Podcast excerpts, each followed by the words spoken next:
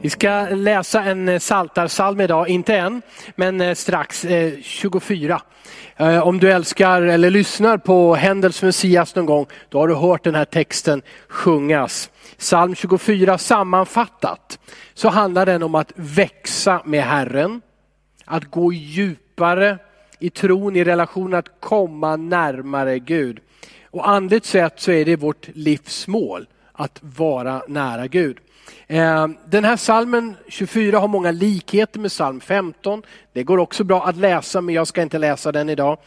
Eh, den talar helt enkelt om att vara i Herrens närhet, där Gud vill ha oss. Och inte då bara när vi är i kyrkan som idag eller när vi ber där hemma utan hela tiden leva i Guds närhet. Bakgrunden till den här salmen är antagligen den när David hade fört in arken, förbundsarken till Jerusalem. Det står om det här i första krönikeboken. Eh, David hade gjort ett försök. Första krönikeboken 13 så, så ville man föra in arken till Jerusalem. Men en man som hette Ussa, han gjorde någonting eh, som Herren då tyckte var oförsiktigt och han straffades med döden. Och David sa, hur skulle jag våga föra Guds ark till mig? David blev besviken, han blev förskräckt, han blev arg och sa, vi ställer eh, arken någon annanstans. Och ställde in den hos en man som hette Obed Edom. Obed Edom, du kan läsa om honom i, i, i krönikeboken 13. Men han då, Obed-Edom, han blev så välsignad, han och hela hans hus under den tid som arken stod där, att David bestämde sig för att göra ett nytt försök att ta arken till Jerusalem. Och den här gången så var det präglat av en absolut lydnad till vad som står om, om arken och hur Gud ville att man skulle göra. Det var en, en försiktighet, men också så var det en oerhörd glädje när de märkte att Gud välsignade. De förde in arken i Jerusalem. Det blev lovsång och flera minns säkert att David han dansade inför arken när den fördes in i Jerusalem. Så i psalm 24 så delar David sina erfarenheter av hur det var att föra in arken. Och arken var en symbol för där Gud bor, där han är. Den här berättelsen med Obed Edom och Ussa och så vidare visar, och det här är viktigt tror jag, det räcker inte med goda intentioner om vi vill leva nära Herren. Vi kommer inte på djupet med en liten allmän hållning om att det vore väl fint att känna Gud lite mer. Om vi, men om vi tar det seriöst, att vi vill närma oss Gud och vi vill leva i hans närhet, ärar Gud det, då hedrar han det sökandet. Ett överlåtet liv har högt värde för Gud. Det, man kan väl se det så här, är jag ett villigt redskap eller ett ovilligt redskap i hans händer? Så David lärde sig en gång till, allmänt goda intentioner, de kan inte ersätta lydnad, eller helighet eller helgelse. Eh, vi har väl en, en tid bakom oss nu, eh, inte minst i pingströrelsen men överhuvudtaget i kristenheten i vår del av världen, där vi har behövt hör, predika och höra mycket om Guds nåd. Och rätt så. För det, det var det, tidigare pingst, under tider av pingströrelsens historia så handlade det mycket om att man vakade på det yttre, kontrollerade det och man var tuff i sina domar mot andra människor, kanske också mot sig själv. Eh, men att predika om Guds nåd får inte bli en predikan om en billig nåd. Där vi tänker oss Gud som en snäll men i allmänhet menlös farbror. Gud är helig. Han är avskild, han är annorlunda. Och Petrus skriver så här i första Petrusbrevet 1 och 15. Nej, liksom han som har kallat er är helig, ska också ni vara heliga i allt ni gör. Det står ju skrivet, och så citerar han gamla testamentet, ni ska vara heliga för jag är helig. Den Gud som Bibeln presenterar är helig rakt igenom hela Bibeln. En Gud som ger nåd, men han är helig. Vi behöver alltså ära Gud med våra liv. Vi behöver leva medvetna om Gud, om vem han är. Vad vi än gör, om vi är hemma eller i kyrkan, om vi är på arbetet eller om vi sover, jag kanske inte så medvetna då. då. På fritiden, vara medveten om att Gud är helig och Gud är Gud. Hebreerbrevet 12 och 14, där står det så här. Sök frid med alla och helgelse. Och så följer ett löfte.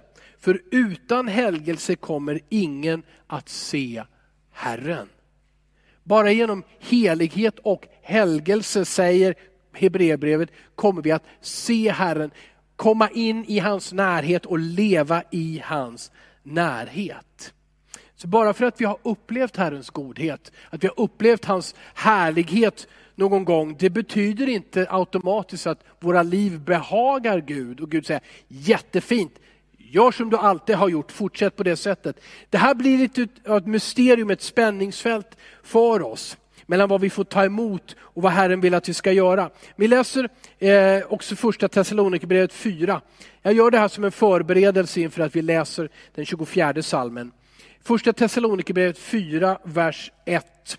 För övrigt, bröder och systrar, har ni lärt er av oss hur ni ska leva för att behaga Gud. Och det är ju så, och det är ju så ni lever. Nu ber vi er och uppmuntrar er i Herren Jesus att göra det ännu mer. Paulus lägger det tydligt framför oss. Om vi vill lära känna Guds vilja idag, det, det som ännu inte är uppenbart. Vad ska jag göra idag? Vad ska jag göra imorgon? Vad ska jag göra med mitt liv? Vad vill Gud? Då behöver vi som Thessalonikerna, och det läser vi om i Apostlagärningarna, vi behöver hänge oss åt att förstå Guds uppenbarade vilja i hans ord. Vad säger Guds vilja i hans ord? När vi lär känna det så kan vi också förstå och pröva ännu mer vad Gud vill göra i våra liv. Och bara för att stanna det exemplet, Paulus han var bara några få dagar, några få veckor i Thessalonike. Så när han skriver så skriver han riktiga basics till de här nykristna i Thessalonike. Vers 2. Ni vet vilka föreskrifter vi har gett er från Herren. Detta är Guds vilja, att ni helgas, att ni avhåller er från sexuell omoral, att ni var och en vet att vinna er en hustru på ett helgat och hedervärt sätt. Det får inte ske i lidelser och begär som bland hedningarna som inte känner Gud. Det handlar framförallt om att styra våra tankar och också våra handlingar. Att leva medvetet om Gud. Och nu går vi till Saltaren och läser den. Saltaren kapitel 24 som börjar, ja, som börjar så här. Jorden är Herrens med allt vad den rymmer, världen med dem som bor i den. För han har grundat den på haven och fäst den på strömmande vatten. Allt är Guds, precis allting. Han har gjort allting och eh, allt som du kan se och allt som du inte kan se. Så ställer han en fråga. Vem får gå upp på Herrens berg i vers 3? Vem får gå upp på Herrens berg? Vem får komma in i hans helgedom? Och där talar han om berget Sion, där talar han om berget, eh, där talar han om templet som stod i Jerusalem.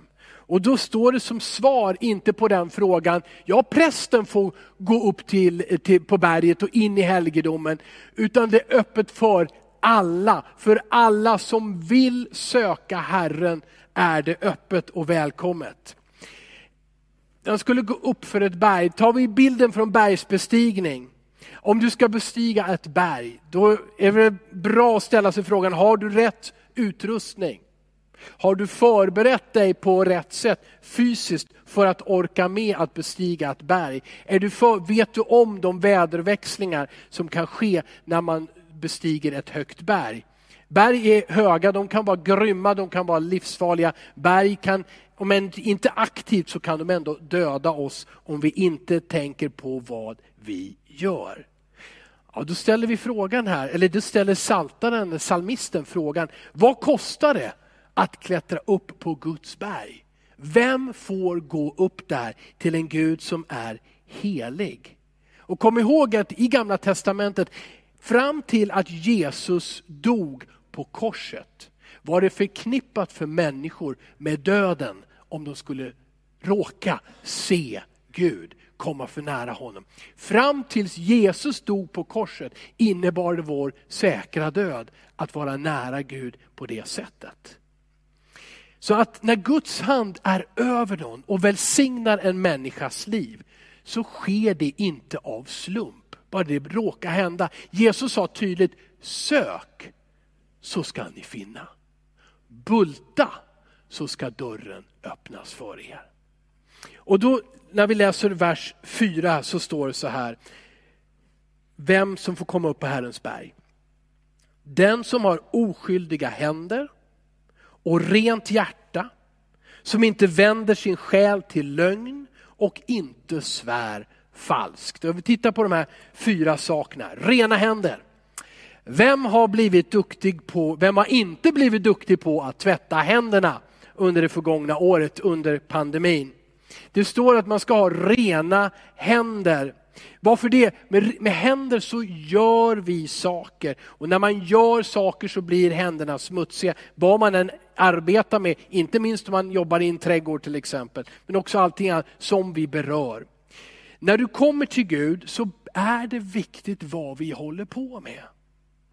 Det som vi gör med våra händer på måndag och tisdag, det påverkar dem onsdag och torsdag. Det vi gör med våra liv, det påverkas framöver, det som kommer efter. Nu pratar jag inte om att gå och tvätta händerna för att det är pandemi, fast du skulle göra det. Utan nu pratar jag om, om livet. Och pratar inte heller om fullkomlighet. För vi gör fel och vi gör misstag. Men jag talar om en riktning som vi har. Vad gör vi med vår tid? Vad gör vi med våra händer, med våra liv? Vad vill du? Och vad är ditt mål? Vad skulle du själv nu tänka, och det här du förstår det rätt så snabbt tror jag. Vad skulle du tänka om, om det går omkring någon här och hostar och nyser andra i ansiktet? Ja, men kan vi förstå med den liknelsen att Gud också tänker någonting om vad vi gör och med vilken inställning som vi gör saker. Man ska ha rena händer, står det. Om vi struntar i att vi orenar oss på olika sätt, med det vi tittar på, med det vi lyssnar till, med det vi gör med vår tid och våra liv, då skickar vi en tydlig signal. Jag är inte överlåten till dig. Det är bra att du finns Gud och att du välsignar mig. Tack för nåden. Halleluja, jättebra. Men du är inte speciellt viktig för mig. Alternativet är nu inte att vi går tillbaka och blir någon slags legalister som vakar på allting som alla människor säger och gör och framförallt på andra och ibland på oss själva. Men det handlar om att vara medvetna om det heliga och den helige som lever mitt ibland oss, Gud själv. Och Det här är inte bara gamla testamentets undervisning, det här är också nya testamentets undervisning. Gud är helig och våra liv, våra aktiviteter ska präglas av renhet. Det, står, det andra som stod i psalm 24, vers 4 var att ha ett rent hjärta. Hjärtat handlar om vad vi längtar efter, vad vi har begär efter, vad vi älskar eller vem vi älskar. Vad älskar vi? Vad tänker vi på? Vad är det första vi tänker på när vi vaknar? Vad är det sista vi tänker på eh, när vi, innan vi somnar? Det kan vara en fingervisning om vad det är vi värderar högt i livet. Ja, faktum är vad vi tillber. kan pröva det här. Vad är det jag börjar att tänka på på dagen?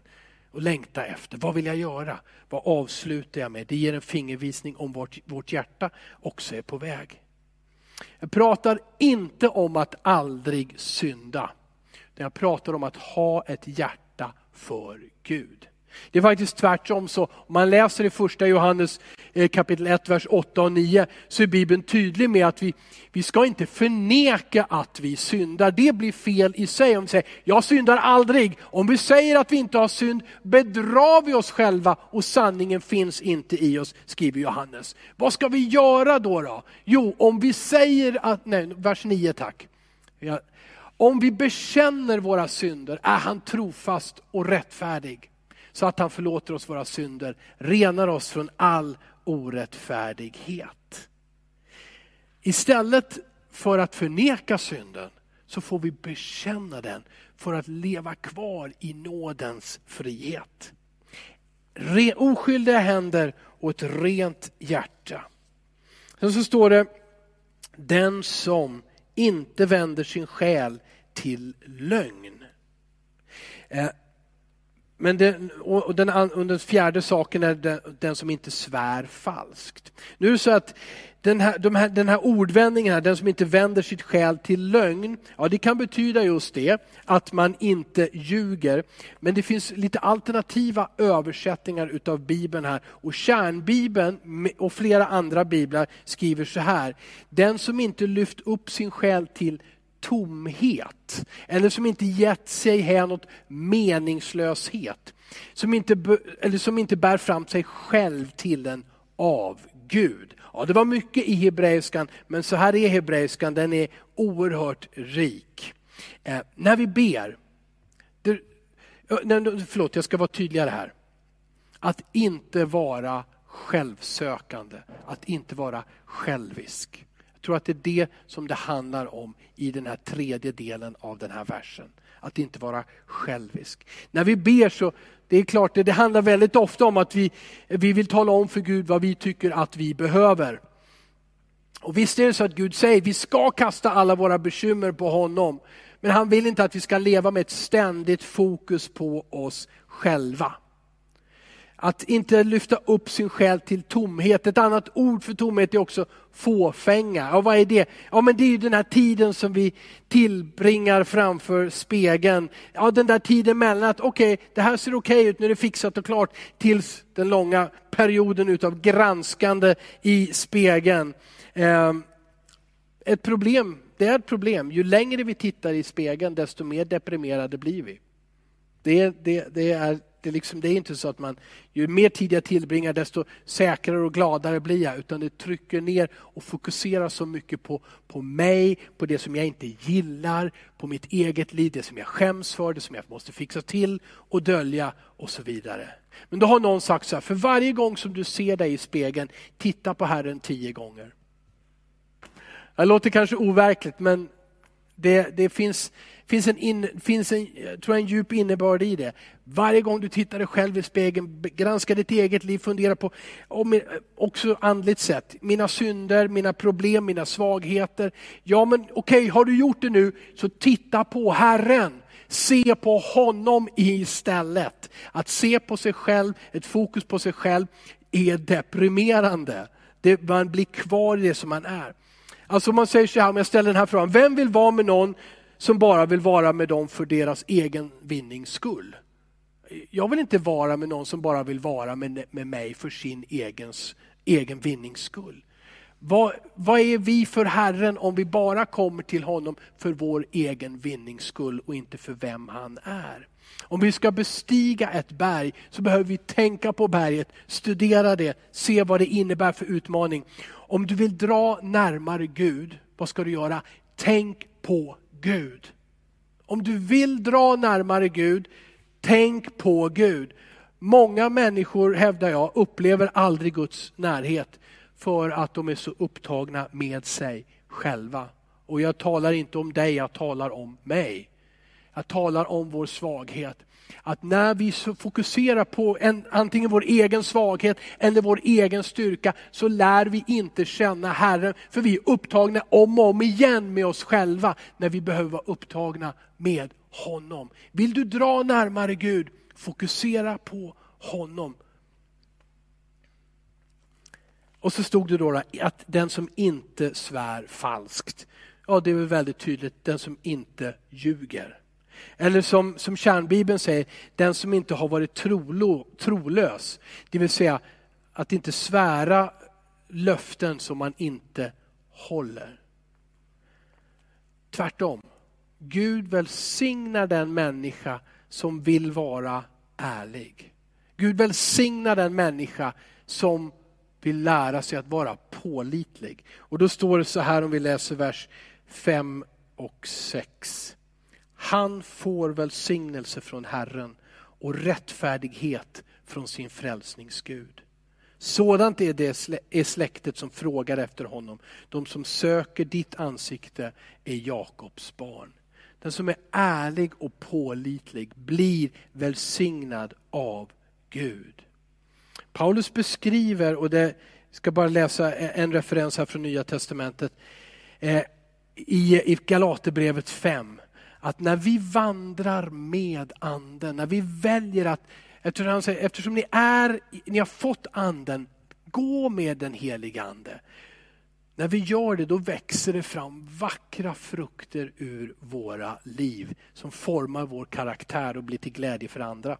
Andens frukt står det i Galater 5 och 22. Andens frukt däremot är kärlek, glädje, frid, tålamod, vänlighet, godhet, trohet, mildhet, självbehärskning. Sådant är lagen inte emot. Det kommer inte fram för att jag fokuserar på mig själv med ständiga försök att rätta till mig själv. Utan det här växer fram när vi väljer att följa Guds ande. När vi väljer att se på Jesus så här, jag vill närmare Gud. Det är ett medvetet beslut och jag gör någonting för det. Jag vill behålla mina händer rena, det som jag gör. Jag vill bevara mitt hjärta rent där Gud ska bo. Jag vill inte ge mig åt lögn eller själviskhet. Gud välsignar det istället när vi säger, jag vill följa anden. Jag vill leva nära honom. Och Guds närhet, den är livsförvandlande. Den förvandlar karaktär, den stärker oss, den fyller oss med glädje. Och det är befriande att få leva i den. Den ger dig inte ett fokus på, det här är fel och det här är rätt, oj oj oj, oj oj. Utan när du följer Guds ande så blir det till en glädje att göra det som blir till välsignelse. Och för vem är det välsignelse? Är det för dig själv eller för andra? När frukten av ditt liv blir kärlek, glädje, frid, tålamod, vänlighet, godhet, trohet, mildhet, självbehärskning. Det är klart att det blir till glädje för alla, för dig själv och för alla. Salmen 24. Gud gillar när vi gillar att vara med honom. Gud gillar när vi gillar att vara med honom. Vi kommer till en avslutning. Vi ska läsa vers 7 och 8 här i, i Psaltaren 24. Det står, höj era huvuden ni portar, höj er ni eviga dörrar, så att ärans kung kan tåga in. Vem är han, ärans kung?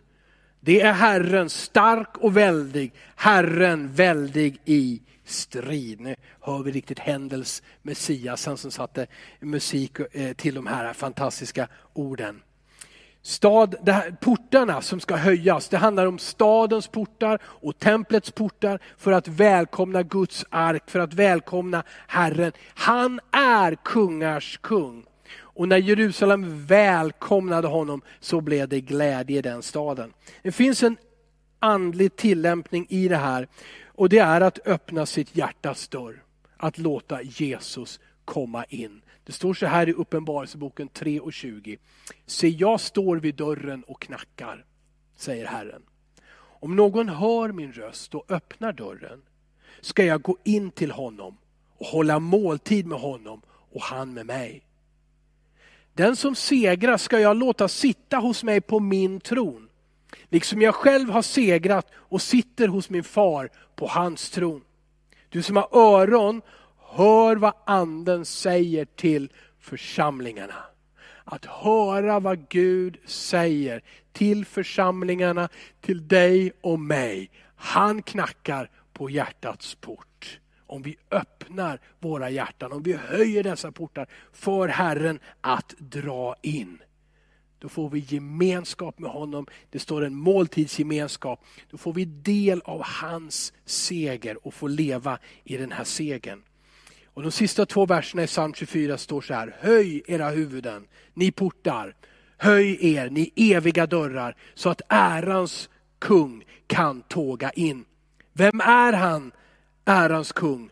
Det är Herren Sebaot. Han är ärans kung. Sela. Och det här ordet Sela finns eh, två gånger i den här eh, salmen och betyder antagligen, pausa nu, ta in det. Lyssna in vad det är som sägs och vem det är som kommer. Höj era huvuden i portar. Höj er ni eviga dörrar så att ärans kung kan tåga in. Vem är han, ärans kung?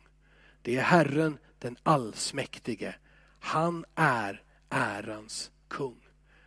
Psalm 24 börjar med en fråga om hur, vem får komma upp på Herrens berg?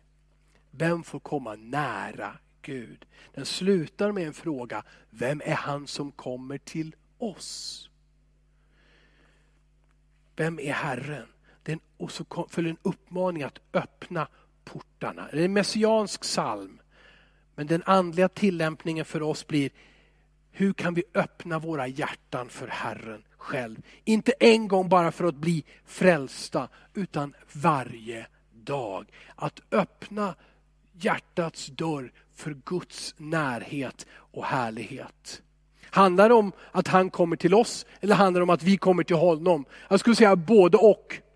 Vi söker honom, vi uppmanas att söka honom, men också att se till att vårt hjärtas dörr är öppen. Och vi kan stänga den dörren. Vi kan stänga den genom själviskhet. Vi kan stänga den genom orenhet. Vi kan stänga den genom falskhet. Och vi kan stänga den genom att stänga våra hjärtan helt enkelt för honom. Jakob, Jesu halvbror, skrev så här, kapitel 4, vers 8. Närma er Gud, så ska han närma sig er. Rena era händer, ni syndare, och rena era hjärtan, ni splittrade. Att inte längre vara splittrade. Ja, men jag vill ha Herren, men jag vill också göra det här. Utan att säga, jag vill bara ha Herren och jag tror att han kommer låta mig göra saker som är helt otroliga. Att våga lita på att han vill vårt bästa. Att det bästa för oss är inte att sköta om oss själva, utan lämna över det i hans händer. Låta honom sköta om oss. Han gör det bättre, både för oss och för andra. Jag kom att tänka på en, en liten sång till sist. Evy Tornqvist sjöng den, så jag hörde den här för många år sedan när jag var liten pojke. Jesus kom in, rena mitt sinn. Kom in i mitt hjärta Jesus. Kom in, bo kvar, min styrka var. Kom in i mitt hjärta Jesus. Vem vill gå upp på Herrens berg den här sommaren? Vem vill gå upp på Herrens berg idag och leva nära Herren? Fader i himlen, tack för att du kom till oss genom Jesus. Tack för att du vill ge din helighet och härlighet till enkla människor. Till syndiga människor. Till oss Herre. Tack för förlåtelsen och nåden och reningen. Vi bekänner vår svaghet, också våra synder i tankar och i handling, i ord. Vi förnekar inte utan vi bekänner. Men vi tackar dig med en frimodighet att du har älskat oss först och gett ditt liv på ett kors för alla människor. Så vi får säga till oss själva och till varandra, du är förlåten. Du är ren. Och vi får säga, jag vill, tack vare vad du har gjort, medvetet leva med dig idag och dra närmare dig. Jag vill bli ett villigt redskap i dina händer. Jag vill vara någon som känner dig och som är känd av Herren. Tack Herre. I Jesu namn.